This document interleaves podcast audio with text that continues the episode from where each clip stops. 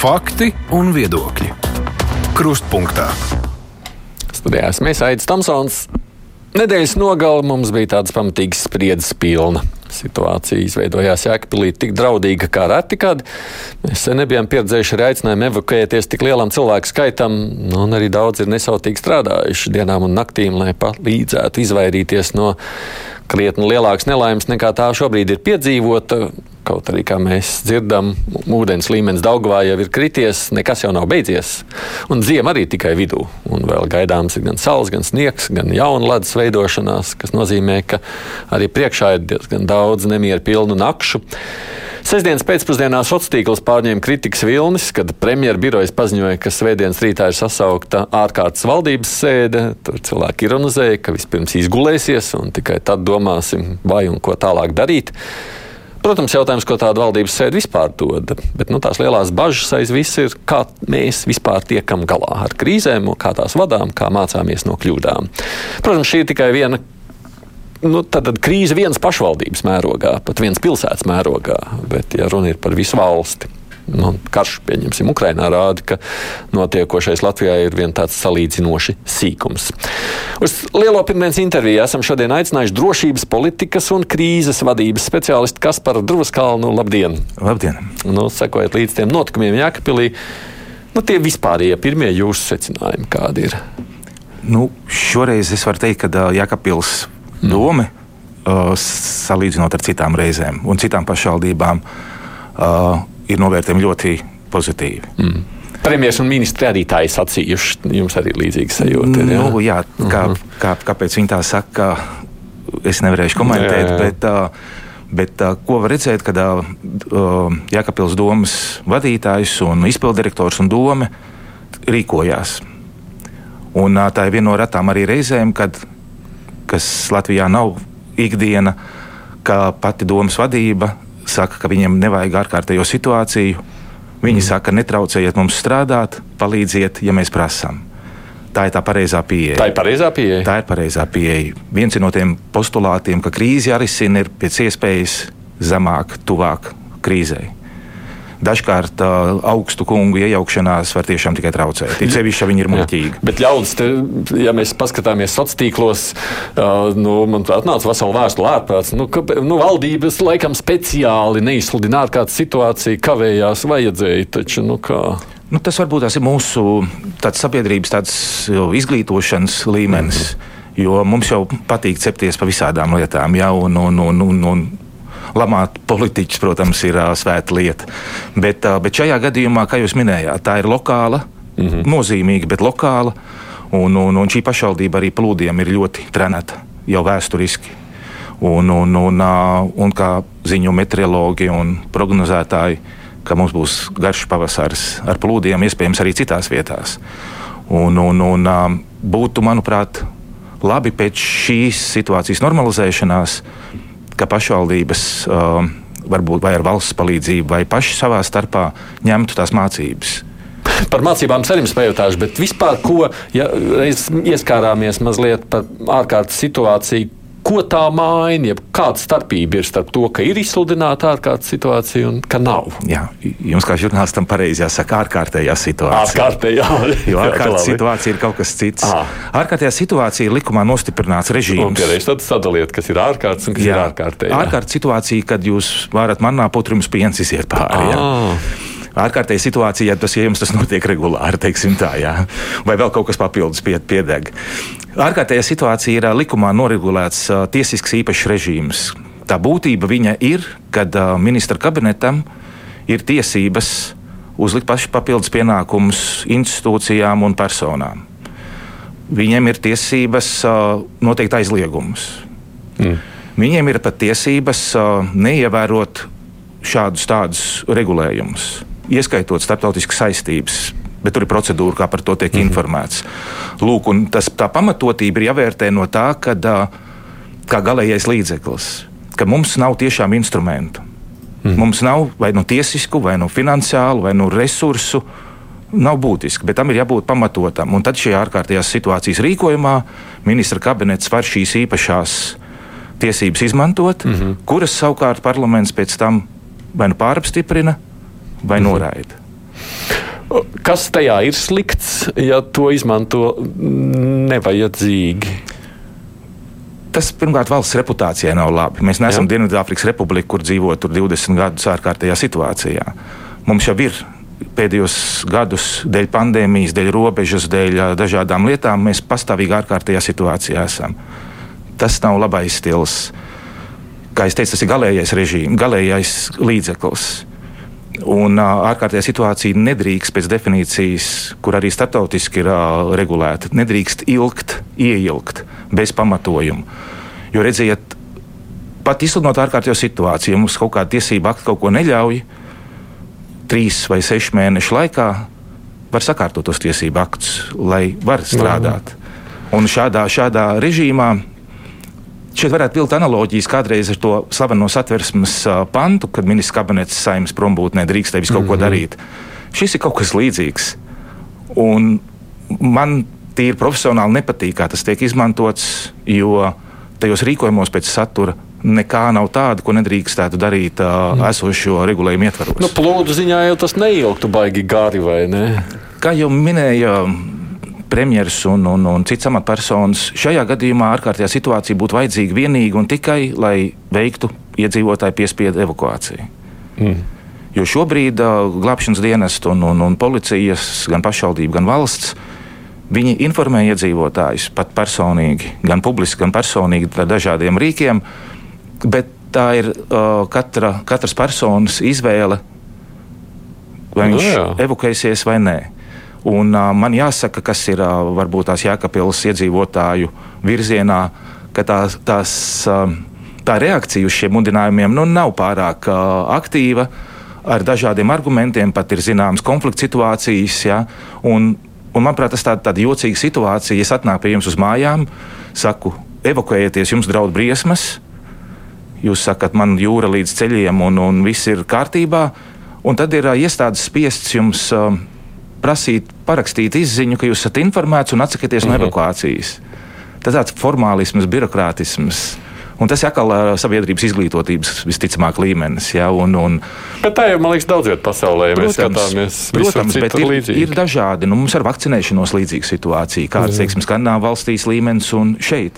Šeit ir līdzīgi. Mm. Un tā pašā laikā mēs iedomāsimies situāciju, ja šis dambis gadījumā, kas ir lielākais risks šobrīd, tiek pārauts un šie ledus vižņi veļās iekšā pilsētā.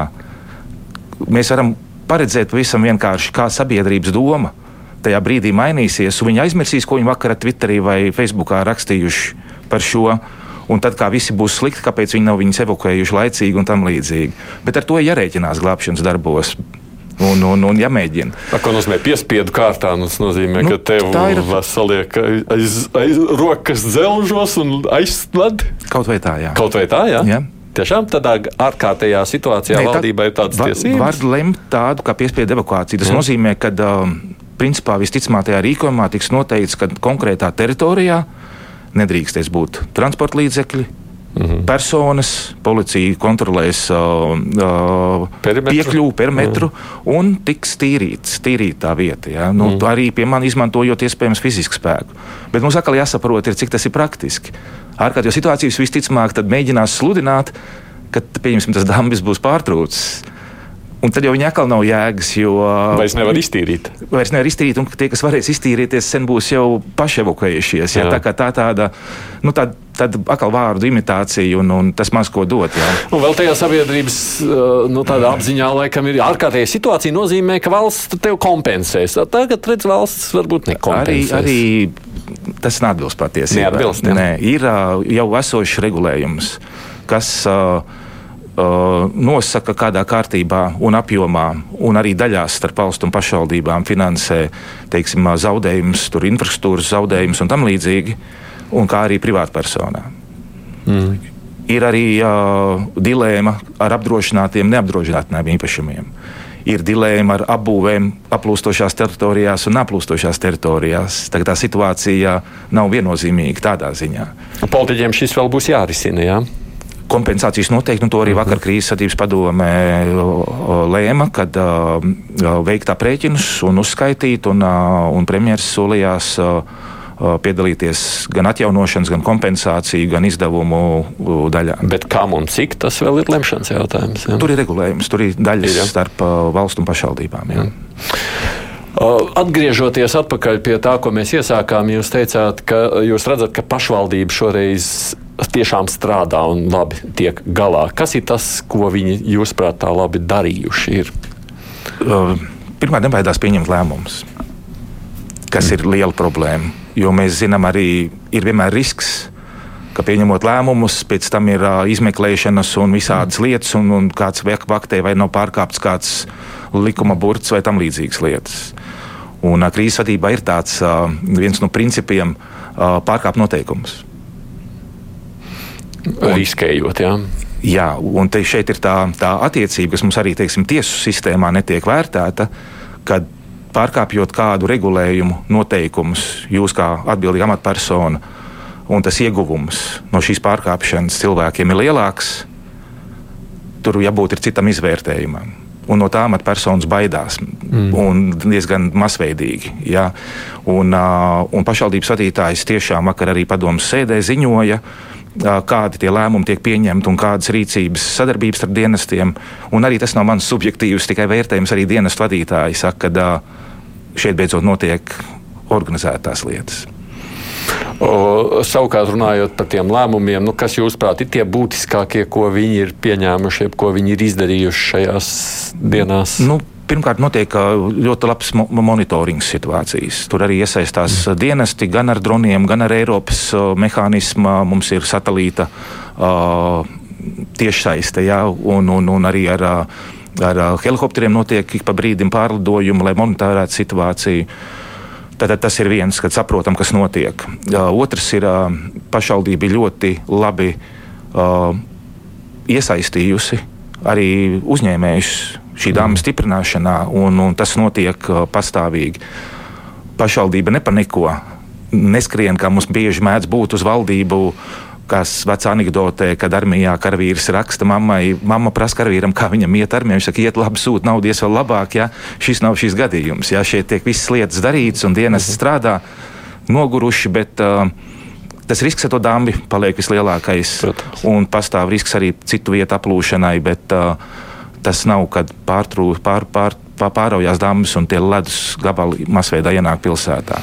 Un Jēkabils stāsts rāda, ka mums tādām situācijām resursu pietiek. Tik lokālām, jā, es domāju, ka jā. Mm. Nu, par lielākām mēs vēl parunāsim. Jūs tur redzat kādas vājos posmas tajā visā?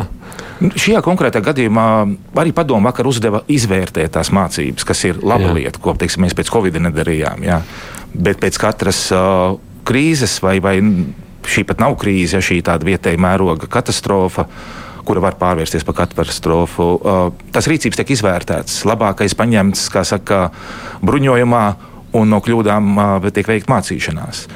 Bet, bet šeit tādā es nevaru analizēt detaļās, un gan jau, kad ir kādas komunikācijas un dažādas problēmas, jo iedzīvotāji tomēr saka arī netik labus vārdus, bet, uh, bet ir tīri no malas vērojot objektīvi, kā viņi riekojās un ka, ko arī informē dienesti. Un kā tiek iesaistīti gan tehnikas, gan uh, cilvēki. Manuprāt, šī ir viena laba stunda. Un valdības reakcija, jūsuprāt, kāda ir? Kā jūs to vērtētu? Nu, valdībai, protams, ir jābūt lietas kursā. Un, uh, es zinu, ka uh, atbildīgās amatpersonas ir saziņā ar, ar domas vadītāju, un arī paši bijuši tur. Bet uh, es visticamāk paredzu jums jautājumus, kā, kā skatītāji un klausītāji prasījuši, vai nav pa vēlu vai, vai tam līdzīgi. Jā, jā, jā pieņemsim, ko es te ievadā sacīju, ka daudz sacīja, kāpēc tikai svētdienas rītā. Jā, iespējams, to varēja ātrāk, un, bet tā ir atkal. Um, Ministrs prezidents vada krīzes vadības padomu, viņš sasauc viņu, kad viņš to uzskata par nepieciešamu, un arī viņš ir bijis lietas kursā un saziņā. Un šeit bija vairāk pārliecināties padomus saturs par to liecina, kad atbildīgie dienesti informēja kas tiek darīts un kādas ir problēmas.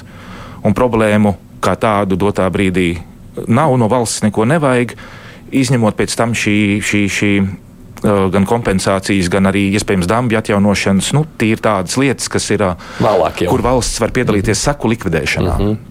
Mm. Bet nu, arī no politiķiem skatoties, tur viens mīkņāja, ka prezidents lūk, tur kādam zvana, izsaka uzmundrinājums. Mm, cita kalpukojās, ka viņš nav jēgpilī. Vispār ko šādā brīdī sagaida no valsts vadītājiem? Droši vien dažādas ekspektācijas cilvēkiem ir, un, un arī dažādi, dažādi uh, politiķu reakcijas, un, un, un tur ir dažādi Jā. apsvērumi. Bet, ir, manuprāt, ir būtiski, ka sistēma strādā. Redziet, politiķi mums mainās, nāk un iet, un, un, un katrs ir ar dažādām kompetencēm un spējām. Ir būtiski, kad, uh, kad šī valsts un pašvaldību pārvaldes sistēma funkcionē ar viņiem vai bez viņiem ka šie lēmumu projekti un izvērtējumi ir sagatavoti varianti, par ko lemt, ja ir jālemj. Ir sagatavoti, kad ir sistēma, kā kad pašvaldība rīkojās, ja viņi netiek galā, vai kādi dienesti. Kā tā pa ķēdīt uz augšu iet un kā šī miedarbība nodarbojās. Bet uh, katrs gadījums ir atsevišķs, tāpēc ir nu, tādās krīzēs mēs nevaram aprakstīt Pat Maiks Taisons teica, ka pirms mm. kaujas, pirms cīņas uh, uh, viss plāns pie pirmā sitiena aiziet pa pieskaru. Ja? Tas arī notiek ikdienā. Bet, uh, bet šī sadarbība un, un, un spēja uzņemties līderību ir ļoti būtiski. Kam un kā ir jānotiek tālāk? Nu, jūs sakāt, tā ir tādas mācību izvērtēšana, ne par kompensācijām. To, protams, tālāk valdība lems un skatīsies, ko no tā visa darīt. Nu, tagad droši vien sagaidīsim, cerībā, ka kādā brīdī nu, tas ledus norimsies vai nezinu, nokritīs tā, ka ne, neapdrauda vairs. Nu, tā kā jāsanāk visiem vēlreiz kopā un jāpārskatās, kas sanāca, kas nesanāca. Tā būtu laba praksa. Jā, ir tāds jēdziens, kā saka, latviešu varētu pateikt. Pēc notikuma analīzes, mm -hmm. post-action review, ko parasti būtu jāveic. Un, manuprāt, būtu labi, ja pašvaldības Latvijas pašvaldības savienības formātā vai kā savādāk dalās un mācās ar šīm lietām, jo mums ir ļoti, ļoti atšķirīga situācijas pašvaldībās. Mm. Gan no menedžmenta, gan no resursiem, gan no infrastruktūras. Pa gadsimtiem atšķirās. Es par šo arī mazliet vēlāk atgriezīšos. Bet kamēr mēs esam vēl šajā kontēte, konkrētajā sadaļā, tas, ko es aizdomājos, bija par sakariem. Proti, ziņa no LMT sakot, ka viņiem izskatās, ka varētu būt, ka vairākas dienas viņi, nu, iedzīvotāji Jēkpilī paliek bez telefona sakariem, bez LMT, jo viņi tur nespēja nodrošināt. Un, um, atceroties kaut vai to sarunu, ka nu, informācija primāri ļoti svarīga cilvēkiem, vai te kaut kas nav palaists garām, kā izrādās. Bet pienāk brīdis, kad visvienkāršākajos plūdos mēs paliekam bez sakariem. Jā, es lasīju šo ziņu, bet man arī ir ziņas no dienestiem, kad Jēkabils novada apkalpojošie torņi ir aizsargāti ir strādāts, lai šie plūdi viņus neskartu, elektrības padeve ir nodrošināta. Un, kad būtu jāstrādā, bet tas arī ir jautājums, kas pēc tam būtu jāvērtē. Tur Jā. ir, ir regulējumos un plānos, kā ir jānodrošina šīs lietas. Un, protams, nav pieļaujams, ja tur pazūd uh, sakari. Tā, jo... Tāpēc tā ziņa mulsināja. Nu, labi, es pēc tam redzēju, ka tur bojas salikts jaunas, tad tām bojām tur, tas ģenerators. Tam, līdz, līdz ar to beig, beigās LMT sacīja, nē, viss ir un būs un paliks. Bet pats par sevi, kad tā ziņa vispār parādījās, likās, hmm, Nu, kā tad mēs pat tik vienkāršai situācijai kā plūdi nesam gatavi? Jā, ne, nu, informācija bruņots. Es pieņemu, ka LMT, kas ir ļoti atbildīgs mm. uh, uzņēmums, zinot no iepriekšējām pieredzēm, Uh, vienkārši informēja, es pieņemu, ka tā doma bija informēt, ka cilvēkiem, ka varbūt tur lēnāks internets vai kāds pārāvums īslaicīgs, bet ne, es nedomāju, ka tur būtu iespējama nu, tāds blackouts, pilnīgs sakaru pārāvums. Ja? Nu, nav, nav tas gadījums. Tā, ne, bet, tā, bet vispār pēc idejas tā nevar būt. Tā vai, nedrīkst būt. Tā, tā nevajadzētu būt. Tai noturībai vajadzētu būt pietiekoši augstai. Ja mēs arī skatāmies Ukrainā telefona sakara vairāk vai mazāk uh, notiek, vai tiek nodrošināta. Es pieņemu, ka tā ziņa varbūt bija smagāka, kā vajadzēja, bet, uh, bet, bet sakari darbojās un, un, un, ja ir kaut kādi pārāvumi, es tiešām kompetenti mm. nevarēšu komentēt, bet uh, es nedomāju, ka tas būtu šajā gadījumā lielākais apdraudējums. Es domāju, arī uzņēmums darīs savus secinājumus un pārunās šīs lietas, vēl vairāk ņemot vērā, ka šogad ir cerības beidzot normālu apziņošanas sistēmu pa mobilām ierīcēm ieviest uh, valstī, mhm. kas, kas ir būtiski. Protams. Nu, ja būs iespēja kādā brīdī arī pie šī tēmata, varam atgriezties. Bet reiz esam arī runājot par ārkārtējām situācijām, iesākuši runāt. Tad nu, mums ir vēl viena ārkārtējā situācija, kas ir pie robežas. Ja, tur tā nav tikai, nu, vai nav jau gads jau? Vairāk kā gads, jā. Vai ne? Tā tad te nav nekāda 3-5 mēneši. Jā, es. Uh, personīgi neatbalstu šīs situācijas pagarināšanu, ne pagarināšanu, ne uzturēšanu ilgāku mm. laiku, un cik man zināms, arī uh, tiesību eksperti gan no Tieslietu ministrijas, gan no Saimnes juridiskā birojā nav sajūsmā par šo risinājumu. Jo, kā jau iepriekš minēju, šī rīkojuma saturs neatbilst ārkārtējās situācijas likumam. Tas ir viens. Viņš ir ērts varbūt tās iestādēm maksāt papildus līdzekļus un piesaistīt uh, uh, citas iestādes. Es pieļauju, bet esošais regulējums visu šo ļauj darīt. Otrakārt, tur ir viens punkts par šo atraidīšanu, Jā. ko gada laikā, piedodiet, varēja noregulēt. Tur drīzāk jāskatās amatpersonu atbildība. Likumiskā veidā. Jā, nu, identificējot likumu, nav perfekti. Viņi ir dzīvi, dzīvi, dzīvi, dzīves, dzīvi instrumenti. Un, ja mēs esam identificējuši, ka mums šādi hibrīdi draudi ir un būs, un to mēs saprotam, tā tad ir pastāvīgais regulējums, ir jāpielāgo, lai viņš būtu, lai robeža, nu, ir muļķība, ka, robe, muļķība, ka robežsargs uz robežas nevar rīkoties nelikumīgas robežu šķērsošanas gadījumā. Jā. Lūk, es, es varbūt tās esmu ļoti rezervēts par šiem argumentiem, ko min nevalstiskās organizācijas. Tur ir citi argumenti. Uh, bet kas attiecās tieši uz saturu, šī rīkojuma saturu, viņam nav nekāda pamata. Tas ir gan no praktiskā, gan no likuma, gan no, no, no piemērošanas uh, jautājuma. Mēs jau, protams, redzot, uh, kā veidojās situācija Ukrajinā, varam iedomāties, ka kaut kādā brīdī jau ļoti līdzīga aina varētu veidoties uz Krievijas robežas. Tīpaši, ja tas karš iet Krievijai gaužām nelabvēlīgā veidā, uz ko mēs visi ceram.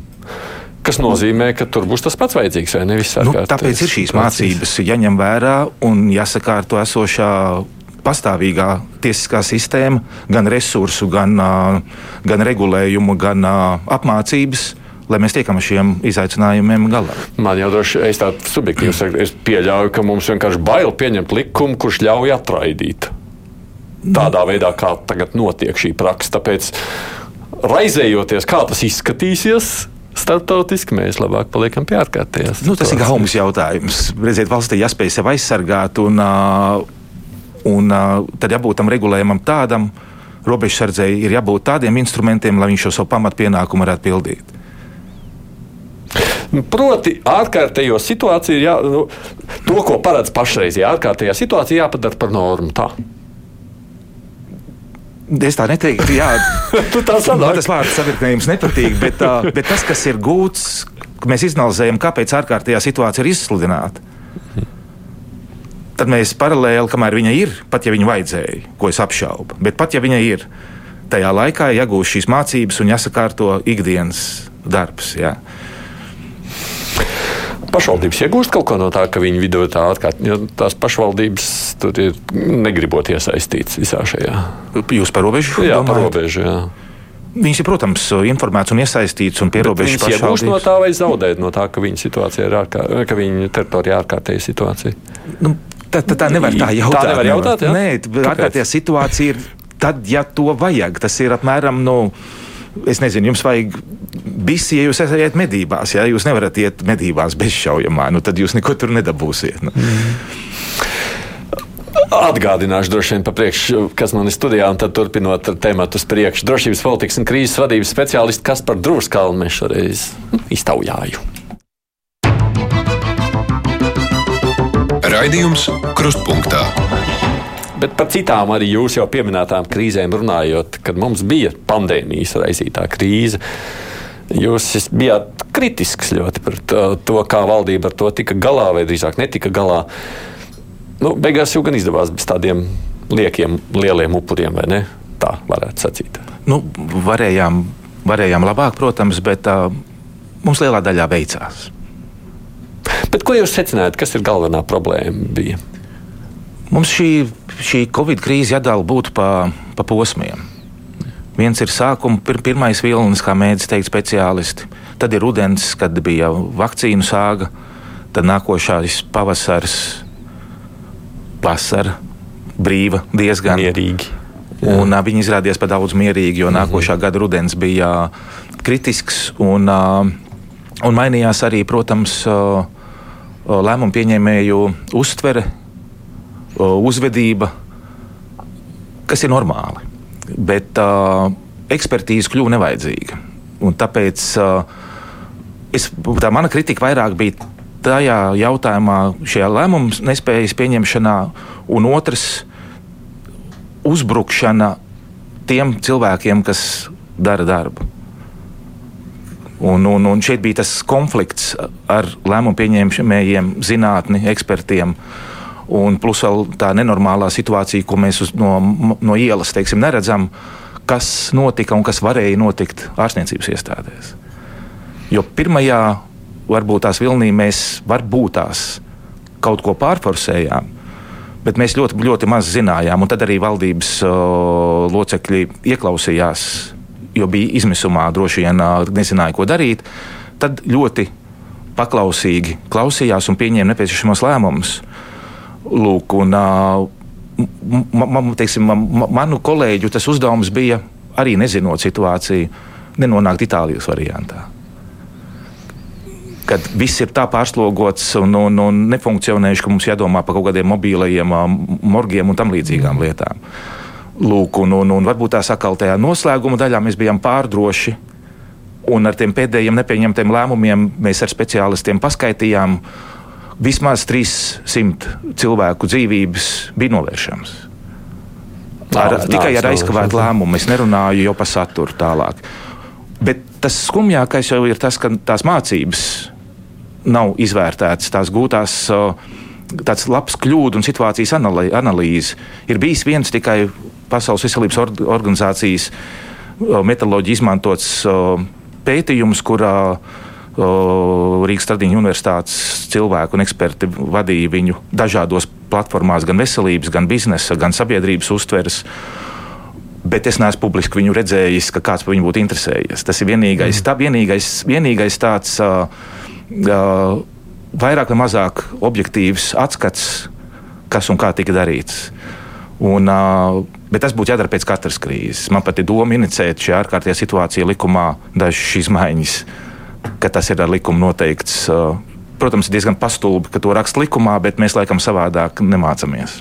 No, to domu, nu, krīze beidzās kaut kā, mm, paldies Dievam, ka tā dzīvojam tālāk. Nu, tas mums tā kā Latvijā katru, katru ziemu uzsniegs sniegs, jā, nu, negaidīt. Nu, tas ir, tas nu, nav labs stils. Nu, Rīgas doma tur kaut ko mainīt, tāds sniegs savākšanas tehnoloģijā. bet atgriežoties pie pašas valdības, nu, beig beigās, nu, valdība jau ir cita, tāpēc arī ko tur vairāk? Ministri jau mainās, kāda jēga tur kaut ko apgūt. Bet tas ir, kā jūs pirmīt minēja, nevar sistēmu veidot atkarīgi no personām. Ir jāpaliek šai institucionālajai atmiņai. Bet, redziet, tā jau realitāte ir. Tāpēc es tādu atgriežos pie tā jūsu sacītā arī par pašvaldībām. Nu, redziet, Jēkabili mēs uzslavējam. Jūs teicāt, ka starp vienu un otru pašvaldību var būt gadsimts. Sakot, ka nu, kā, kādus cilvēkus kurā vietā paveicās ievēlēt, tādu tur ir. Mums, kā saka, valsts pārvaldēm pašvaldībām jāspēj. Uh, strādā tas, kas ir. Saka, mēdz teikt, ka kaimiņus un vecāks neizvēlās. Te ir vēl viens klāt, kad, ko mēs ievēlam, arī neizvēlās.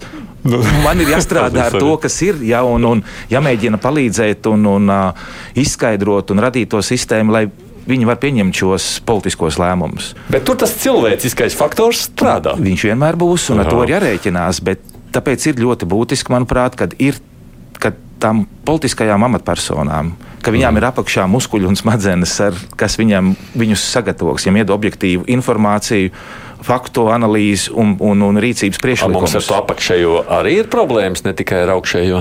Manuprāt, kad mums, tajā, ja mēs liekam tādos militāros termiņos, taktiskais, operacionālais un strateģiskais līmenis, Jā. ka mums ar taktisko ir diezgan labi. Jā Un taktiski es domāju, kur ir dienesti. Tur uh, ugunsdzēsēji, glābēji, mediķi, neatliekamā medicīniskā palīdzība. Bet viņu tas sāpju slieksnis ir ļoti zems. Jā. Viņi ikdienas rūpes, savu ikdienas pasākumu spēj ļoti labi izdarīt un, uh, un ļoti uh, pār savām resursiem un spējām spēj arī darīt lielākas lietas, bet uh, ar operacionālo un strateģisko mums ir pavisam švaki. Mums pat nav institucionāla struktūra. Tāpēc man priecē, ka šajā valdības deklarācijā ir viens teikums par šo jautājumu, un es ceru, ka beidzot, beidzot sakārtosies mums arī tajā līmenī. Zivs pūs no galvas, tāpēc ir ļoti būtiski to galvu sakārtot. Jūs teikt, ka tas svarīgākais ir tas vidējais līmenis? Ja? Zivs pūs no galvas, strateģiskais. Nē, nu, tādā ziņā, jā, bet nu, tas, nu, jā, labi, tur būtu jādod tā zaļā gaisma, lai izveidotu to vidējo līmeni. Bet, ja būtu vidējais spēcīgs, tad arī ar augšējo varētu visādi iet. Jā, nu, jā nu, jo jūs kā indivīds, vienalga vai persona vai iestāde, vairāk spējat izdarīt, jums ir lielākas tās um, kapacitātes, mm -hmm. jo mazāk vajadzēs peldēt uz augšu. Un tad mēs atgriežamies pie šī tuvuma likuma, ka krīze jāvada pēc iespējas tuvāk tai vietai. Kas nozīmē, nu, ja šobrīd ir tā, ja paveicās, ka ir labs pašvaldību vadītājs vai valsts vadītājs, tad viņš tiek veiksmīgi galā. Ja tāds kāds ir, tad tā kā sanāk, tā sanāk. Savukārt, ja būtu tas vidējais operacionālais, ja tā jūs sakāt, arī tā politiķu mājiņa nebūtu tik jūtama. Jā, tā ekspertīze apakšā būtu daudz spēcīgāka un, tas, un tā saucamā pārmantojamība. Mainoties politiķiem, nav kaut kādas revolūcijas sistēmā, mm. kad viņa spēja pašfunkcionēties. Mēs atceramies, Beļģijā valsts pārvalde funkcionē, man liekas, ja nemaldos, uh, daudzus, dažus gadus bez valdības un sekmīgi. Ja, tā kā, tā kā viņus vajag, kas pieņem lēmumus, bet uh, katram jāsaprot, ka būtu tas savs uh, lemšanas apjoms. Atcerieties, es pat pandēmijas laikā, kad man bija tāds nedaudz sarkasms, kad uh, kad politiķi, tāda ministra kabinets noteiks, kā jāgriež ir aklā zārna. Jā. Tas nav viņu līmenis. Viņiem jāsaprot, ir, kur viņi ir, un tāpat tās mums jāsaprot, kur cik tālu mēs varam lemt un rīkoties. Bet tajā pašā laikā, tad, kad ir bijusi runa, un to man liekas, arī valsts kontrole ir ieteikusi veidot šādu vienotu, jeb kopēju institūciju, ja, krīzes vadības tādu struktūru, tad arī eksperti ir bijuši. Jūs esat teicis, jā, bet citi ir sacījuši, ka būs atkal vēl viena birokrātiska iestāde tikai kas. Ja ir birokrātisks iestāde, protams, viņi nevajag. Mhm. Bet, uh, Kā nodrošināties, ka tā nav birokrātiska iestāde, bet tā patiešām ir nu, tāda glābe, nu, kā lai saka, viens pestītājs krīžu gadījumos? Nu, tā būtu iestāde, kas, kas sakārto šo starp institūciju sadarbību. Pirmkārt, miera laikos gan plānojot, gan izstrādājot regulējumus, gan plānojot resursus. Un mēs saprotam, tad vismaz vienā vietā valstī, kur kas notiek, kādas ir spējas, kādi ir plāni un kādi ir riski. Mēs riskus nevērtējam vispār. Mm. Un, manuprāt, visam tam būtu jābūt tieši uz riska analīzes balstītiem lēmumiem. Gan preventīvi uh, rīkojoties, gan, uh, gan, uh, gan uh, tās procedūras ir skaidrs, jā, arī kaut kas notiek. Un viņam jābūt atbalstam. Uh, gan zināšanu, mums valstī ir uz roku pirkstiem saskaitāmi cilvēki, kam ir jau kādas zināšanas par krīzes vadību. Un, uh, kad viņi varētu sniegt šo palīdzību, kad uh, gan pašvaldības, gan, uh, gan uh, citi spēlētāji zina, ka tur var griezties, kuram atkal ir, kuriem atkal ir uh, institucionāli tiešā pieeja pie lēmumu pieņēmējiem. -hmm. Un tad tā miedarbība var strādāt. Visās valstīs viņš ir. Mums, mēs zinām, ka ir pat kaimiņi. Igauni ir stiprinājuši pēc Covid valdības centra šajā ziņā. Lietuviešiem no 2. Uh, janvāra šī gada pavisam jauna sistēma strādā, un, un viņi arī ziņo par to, ka viņam 60% problēmas ar personālu, lai dabūtu personālu, kas var šīs lietas darīt. Jābūt ir saka, institucionālai sistēmai, kas, kas viņu vada. Mums tāda ir bijusi pirms iestāšanās NATO un uh, Eiropas Savienībā. Mums institucionāla sistēma bija ļoti pareiza. Kas tā bija? Bija krīzes kontrolas centrs, kas bija mm. pakļauts premjeram, bet es pieņemu, ka izpildījumā bija problēmas, kad uh, izvēlējās šo institūciju likvidēt, jo viņa arī nebūs patīkama uh, iestādēm. Jo tie būs tie, tie, kas no augšas ar premjera vārdu kā saka, ar viņu autorizāciju viņus bakstīs, ka kaut kas jādara. Ir, ja, kad, kad, kad jāmācās, jāgatavojas un tam līdzīgi. Un tas jau arī nevienam nepatīk, ka viņiem nosaka kaut ko no kaut kurienes. Bet, bet, bet tīri uh, institucionāli visa tā sistēma būtu saskārtojama, ka darbojās gan strateģiski, gan operacionāls, gan uh, taktiskais līmenis saskaņoti. Nu, mums jau ir pārsoru koordinācijas centrs, tas nav tas pats tas ir politikas. Viņš bija pirmkārt, es tikai zinu, viņš ir no, nu jā, tagad, jā. likvidēts un iekļauts valsts kancelējā, bet, bet tas bija tieši politikas plānošanas, kas ir. Tā bija šī cita joma. Bet princips ir tieši tāds, jā, lai saprastu, kā politikas mīja darbojās vai, vai nav vienotrai pretrunā. Tas pats ir krīzes vadībā. Un tam ir jābūt premjeras pakļautībā. Pirmkārt, mums likums to nosaka, kad valsts apdraudējumu pārvarēšanas un seku likvidēšanas pasākumus vada ministra prezidents bet viņam nav neviena instrumenta, kā viņš to var darīt. Premjerministrs būtu pirmais interesēts veidot šādu, ja jūs prāt, centru? Manuprāt, te ir tas atbildības jautājums, jo, ja ir tāda institūcija tieši padot premjeram, ka varbūt tās tādas uh, politiskas bailes, ka tad. Uh, tu par to atbildi. Ja? Nu, dari kaut ko. Ja? Un es pieņemu, ka tur vairāk ir šāda politiska izšķiršanās, jo, jo, jo krīzēs nu, atbildības bieži vien cilvēki mūk prom. Uh, Un tas mums nedaudz eskalējās, jo šo lēmumu pieņemšanu baidās, jo vienmēr ir pēc tam problēmas. Nu, mums uh, deklarācijā, kā jūs teicāt, tagad ir ierakstīts, bet nu, deklarācija jau ir viena pašlaik papīrs. Jums ir nu, kā kaut kāda vīzija, jūs redzat, ka tas tiešām tiks kāds realizēts? Es, protams, nevaru prognozēt rezultātu, bet es zinu, ka. Uh, Iekšlietu ministrs ir uzdevusi uh, parlamentāram sekretāram, un es ar viņu divreiz jau runāju dalījušies ar viedokļiem. Viņš tagad vāc informāciju, un cik man zināms, janvāra beigās viņš ziņos ministram par to izvēli, kāda viņa varētu būt. Mm -hmm. Bet es nevaru prognozēt, protams, kas tur beigās sanāks. Domājot, ko no daudziem jautājumiem, ko es gribu pajautāt, nākošo jautāšu, es laikam iešu uz Ukrajinu šobrīd. Jo, ja nu kaut kur ir krīze, tad tā pilnīgi noteikti ir Ukrajinā vai ne? Un tiem ļoti traģiskiem notikumiem, kam valsts iet cauri, un jūs arī esat bijis, uh, skatījos, jā, savulaik Luhanskā vai ne? Tur uh, pēc tam jau, kad um, Krīma tika ieņemta un sākās šis te no, kardarbība austrumos. Bet par pašu Ukraiņu skatoties, ir tāda sajūta, ka viņi ir tā spējuši saņemties, ka pilnīgi netic. Ne? Tur viņas bombardē, viņi tur ātri strādā, atjauno elektrību, elektroenerģijas sakars. Kā Ukraina pārvalda, jūsuprāt, kā viņiem tas izdodas pārvaldīt valsti tik dramatiskos kara apstākļos? Nu, karš, protams, mobilizē, un tā vardarbīga agresija, kāda pret to valsti ir, varbūt pat noņem kādas uh, etniskas robežas un vēl kaut ko. Bet, uh, Šeit ir arī šī palīdzība, protams. Uh, es domāju, bez tās viņiem būtu pavisam, pavisam švāk. palīdzība. Jā. jā, protams, un, uh, un arī gatavošanās šim. Mums jāsaprot, ka uh, Ukraina jau reāli karā ir kopš 14. gada. Man bija iespēja trīs gadus strādāt tieši no 14. Trīs gada. Jā. Un, un, un, uh, un viss šīs Minskas vienošanās no kurām ir mācības. Un, un, un, protams, kas noslēdzās ar iebrukumu pagājušā gada februārī. Tas arī, protams, būs jāanalizē, bet uh, viņiem ir decentralizēta arī šī sistēma, ka katrs, uh, gan militārā, gan uh, civilā jomā, tas nav tā, ka uh, viņš ir vadīts no augšas, bet viņš nav, uh, viņš nav kā saka, pavēlēm, ka viena galva visu izdomā. Ja?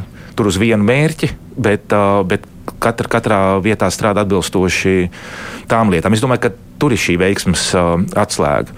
Bet, Jebkurā gadījumā tas nenozīmē, ka uh, viņiem iet, iet viegli un ka tur viss, viss ir labi un viss ir ļoti saskārtots. Jā, un, un uh, arī visticamāk tiek uh, nu, pieļauts dažādākās kļūdas un neveiksmes. Un, uh, un galu šim pasākumam arī mēs neredzam vēl. Mm -hmm. Tur, protams, ir ko mācīties un, un, un, un, un analizēt, bet mums arī jāsaprot, ja mēs par militāro sadaļu runājam, kad uh, Latvijā, Baltijas valstī līdzīgā gadījumā mums būtu daža, daž, citādāk tipa karš. Ja mums nebūtu frontes līnijas un tāda noturība un, un, un teritorijas lielums un cilvēku resursi un, un vispārējais, un, un tas ir jāņem vērā. Plānojot nu, šīs lietas. Jā, par mums mēs vēl runāsim, bet uh, jūs sakāt, ka tāda decentralizācija var būt veiksmes atslēga. Bet mēs tagad Latvijā runājam par vienu vadošu krīzes centru. koordinējošu. Koordinējošu. Nu, tad izstāstiet, lai mēs nesajauktu, ko tas nozīmē. Tas, ko es minēju par šiem līmeņiem, mums ir lokāls, pieņem, nu, pieņemsim pašvaldību. Jā. Jo šajā pašvaldībā ir jau, jau uh, spējas un zināšanas, kā plānot, kā darīt, kā mācīties. Viņiem šīs spējas, kā saka, ceļās, un viņu noturība palielinās.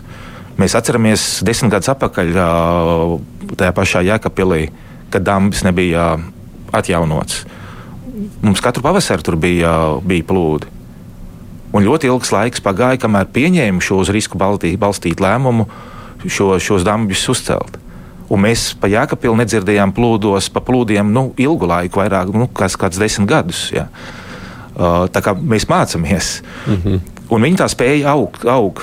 Tad pašvaldība var izpildīt savas funkcijas ar iesaistītiem dienestiem, un viņi zina, kas viņiem var notikt, un viņi tam gatavojās. Un tad valsts iestā, iestā, iesaistās ar šo, centra, ar šo koordinējošo lomu, kurai ir vairāk resursu kā vienai pašvaldībai, vairāk instrumentu, lielāks pilnvaras, kad viņi var gan palīdzēt šajā preventīvā laikā viņiem sagatavoties un plānot, un pašvaldība arī zina, ko valsts var palīdzēt un pie kā viņi var griezties bet tas ir tāds valstī vienots mehānisms, kur nosaka kādus standartus un sistemātiski, lai šīs spējas attīstītu. Gan pašvaldībās, gan iestādēs, gan uzņēmumos. Jo mums šī, šī, šis, kā jau minēju, tas sāpes liekas ir ļoti zems. Gan arī visās iestādēs. Bet, ja mēs skatāmies uz Ukrajinu, pat par sevi valsts jau bija salīdzinoši nu, nabadzīga valsts un vienmēr cīnījās ar iekšējām krīzēm. Nu, kas nozīmē, ka viņiem tur ir izveidots labi, visus vietas pieņem lēmumu strādā, bet nu, arī tā palīdzība jau kaut kādā veidā jāsaņem centralizēta. Neviens jau pat tiešo uzreiz, nu, ir jau kas iet pa taisno, jā, bet vienalga tur ir kaut kāda koordinācija ir nepieciešama. Tātad viņi ir spējuši izveidot to tīklu. Nu, ka viņi palīdz tam, kam vajag, bet tur uz vietas arī spēj pieņemt lē, lēmumus vajadzīgos. Mums, saprot, arī visiem trūks tur viss, ja, bet, jā. bet, protams, vat, lūk, šeit ir tā koordinācijas uh, spēja. Bet ko viņi ir izveidojuši tādā nu, kara apstākļos. Mums nevajag uh, domāt ilūzijas, ka viņiem viss bija sagatavots un viņi bija pilnīgi gatavi. Jā, visticamāk, ka nē. Jo bieži vien apstākļi piespiež un, un, un cilvēks kā žurka ļoti pielāgojās ārējiem apstākļiem un situācijām, un, un tāpat tās arī institūcijas. Un, jo viņas ir neatkarīgākas un uz to mērķu orientētas, jo viņas ir elastīgākas.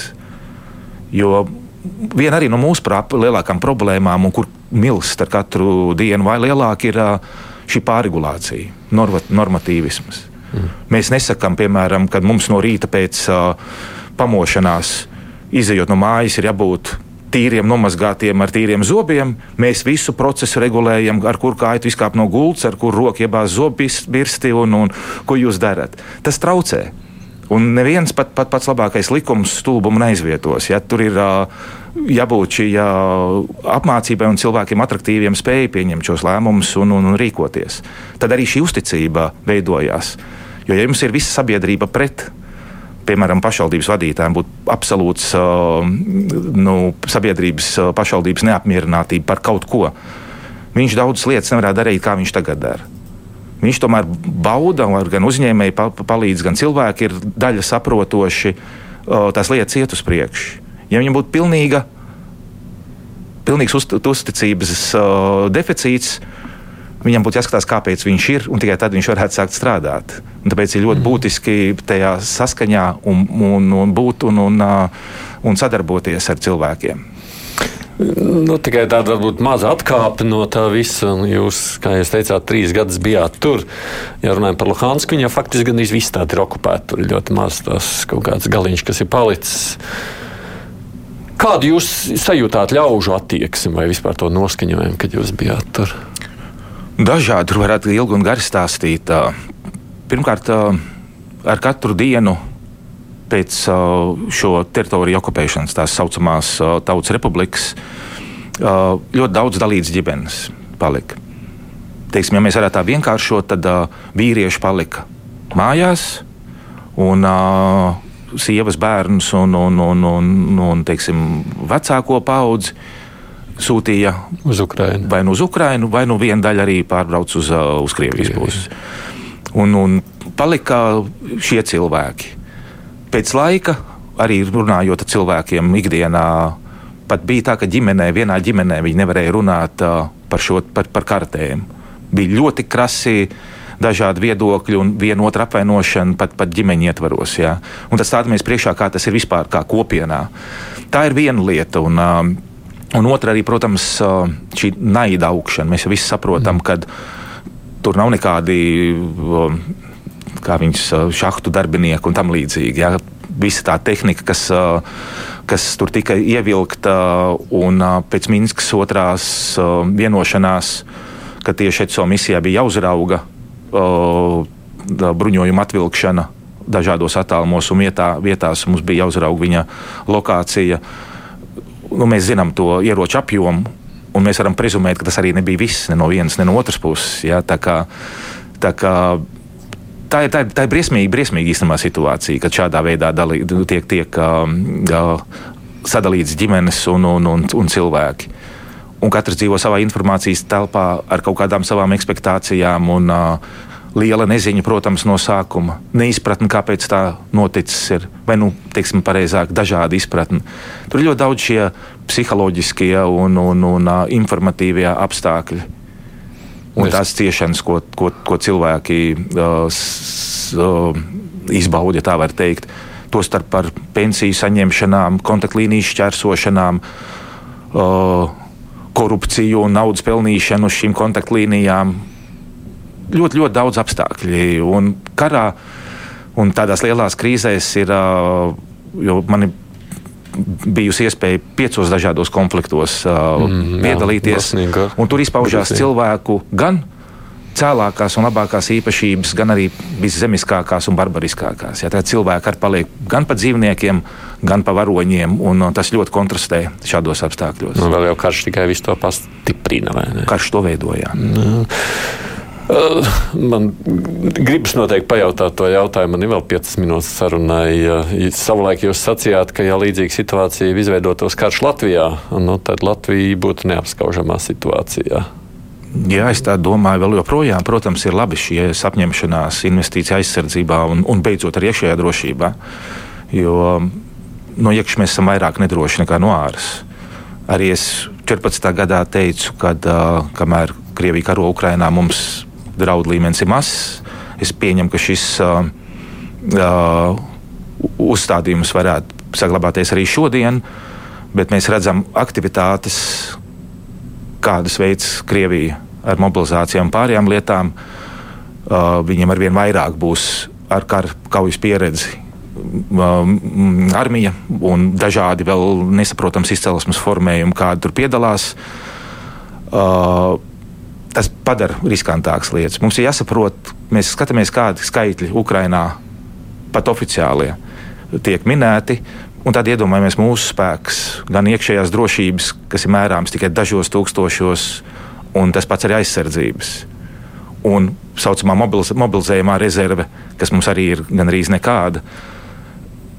Tas uh, spēku samēru tīri mūsu pašu bez palīdzības, protams, ir, ir ļoti nepietiekams. Maz. Bet, nu, piemēram, tā palīdz. Jūs esat bijis kar, karavīrs, lai, lai klausītāji zinātu, jūs esat no savulaik no aizsardzības ministrijas pārgājis uz iekšlietu ministriju.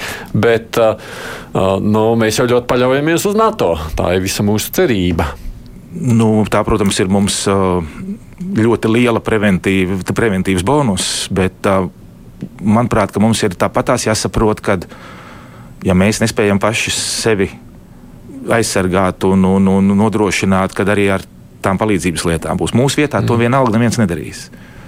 Un, tāpēc mums ir jābūt šīm primārām spējām, lai mēs spējam ar tiem uh, riskiem un, un draudiem, kas mums var būt, uh, tikt uh, galā un, un, un, un šos zaudējumus iespējamam pretiniekam uh, prognozējumu paredzēt ļoti nesamērojami. Kā, ir, kā aizsardzības sfēra vienmēr ir noslēpumā tīta, mēs jau nezinām un paļaujamies. Nu, gan jau viņi tur izdomājuši, tikai mums nesaka, un mēs nezinām. Nu, jūsu tāda pieredze sakot, kā jums šķiet, kā mums visvairāk šobrīd pietrūkst? Nu, mums ir jāmainās tad, definētie mērķi jau ir pareizi. Pretgaisa aizsardzības, kā saka, tā, tā, tāls darbības, vidēji darbības, artērijas un saka, kari tagad ir moderni. Jā. Ļoti daudz tehnoloģijas un dažādas lietas. Un tad mēs atkal nonākam atpakaļ pie sakariem, pie, pie, pie informācijas apmaiņas.